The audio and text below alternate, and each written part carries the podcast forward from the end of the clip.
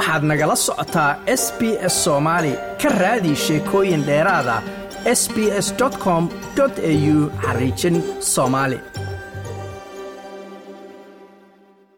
wasaaradda gaashaandhigga xukuumadda federaalk soomaaliya iyo taliska ciidanka xoogga dalka ayaa sheegay in dowladda federaalk soomaaliya ay ka go-an tahay wejiga labaad ee dagaalka ka dhanka al-shabaab xilli wasiirka wasaaraddaasi uu tababar u soo xiray cutubyo ka tirsan ciidanka danab ee xoogga dalka soomaaliya oo tababar uga socday xerada ciidamada beledoogle ee ka tirsan gobolka shabeellaha hoose taliyaha ciidanka xoogga dalka soomaaliya sarayagaas ibraahim sheekh muxidiin ayaa ugu horeyntii ka warbixiyey ciidanka tababarka loo soo xiray oo uu sheegay in ciidanka danab ay wax badan ka bedeleen goobaha dagaalka isagoona u mahadceliyey dowladaha gacanta ka siiyey tababarkaasi.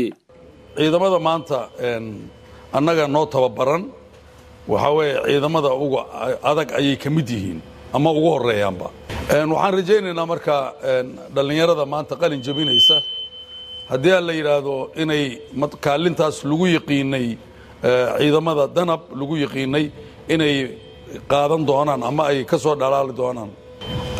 Danab waxay wax ka bedeleen goobaha dagaalka ee lagula dagaalamaya khawaarijta wax badan ayay ka bedeleen for example gaashaan xasan ture ee xeradan in loogu magac daro markaan soo qaadanno ilaa hadda ma jiro sarkaal kale oo lagu magacaabay munaasabad sidan oo kale ah. Dhallinyarada hadda soo baxaysa ee ku biiri doonta saaxiibbadood magacaas keenana waxaan rajaynaynaa inay magacaas halkiisay kor uga sii qaadi doonaan. Mid kasta oo danab ka mida waxaan rajaynaynaa inuu mustaqbalka ciidanka oo uu kaalinka geli doono. For example ninka la yidhaahdo beryare wuxuu ahaa saraakiishii lagu aasaasay ciidanka.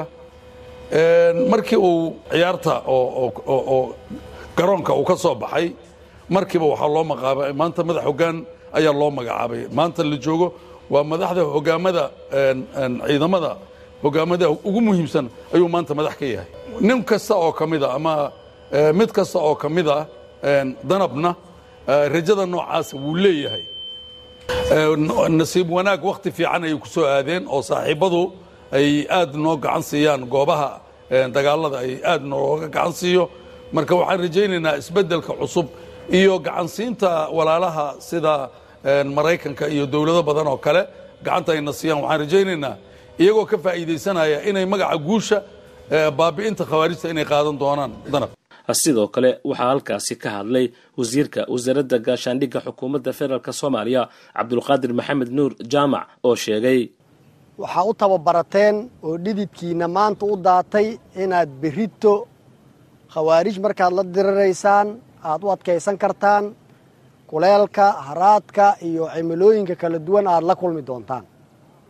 Waxaad u tababarateen in shacabkiinna soomaaliyeed oo muddo soddon sanaha dhib ku soo jiray rabana inuu ka baxo raba inuu khawaarij iska xureeyo raba inuu fakri iska xureeyo raba inuu adduunka la mid noqdo ayaa dartooda maaragtaa aad u soo tababarateen waxaad u soo tababarateen islaanta waayeelka canuga yar hooyada uurka leh waayeelka marasta cid walba oo ducafaa inaad u gargaartaan ayaad u soo tababarateen waxaa laidinka rabaa marka inaa mas'uuliyadda idin saaran aynan ilaabin.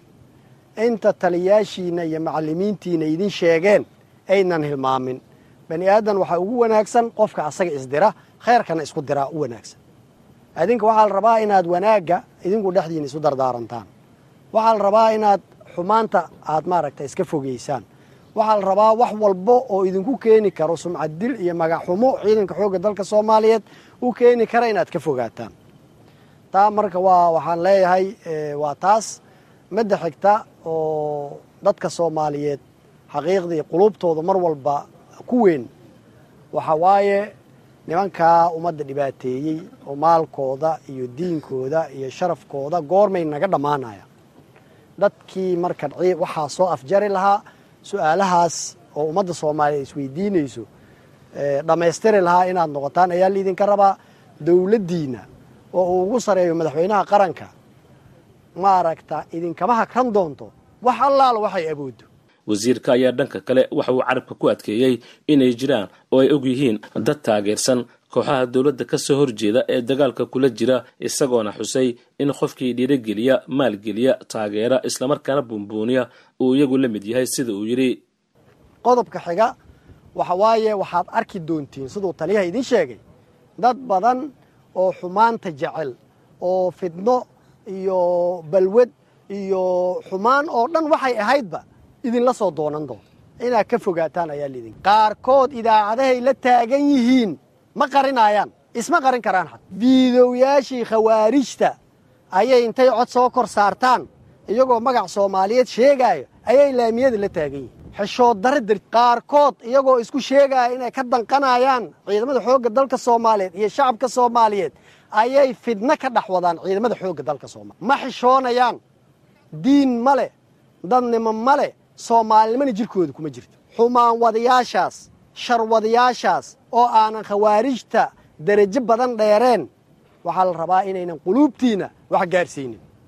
Cadowga ummadda soomaaliyeed waa hal waa khawaarij. Ninkii khawaarij kelimad ugu gargaara ninkii maal ugu gargaara ninkii dhiiri geliya khawaarij waxba ma dhaamo. Culummada horey uga fadwootay intay isugu yimaadeen magaalada muqdisho khawaarij ninkii maal ku deeqa ninkii fikir ku deeqa ninkii taageero kale ku deeqa ninkii buunbuuniya waxba isma dhaamaan. Waa khawaarij kale.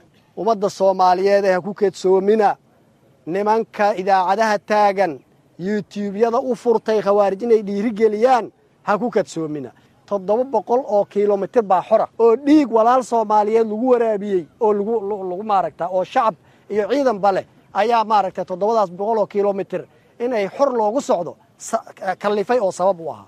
Intay madaxeena kor uu yahayna qof aan ka yeelayno ilaahay abuurtay lama arko like aas la wadaag wax ka dheh lana soco barta facebooka ee sb s soomaali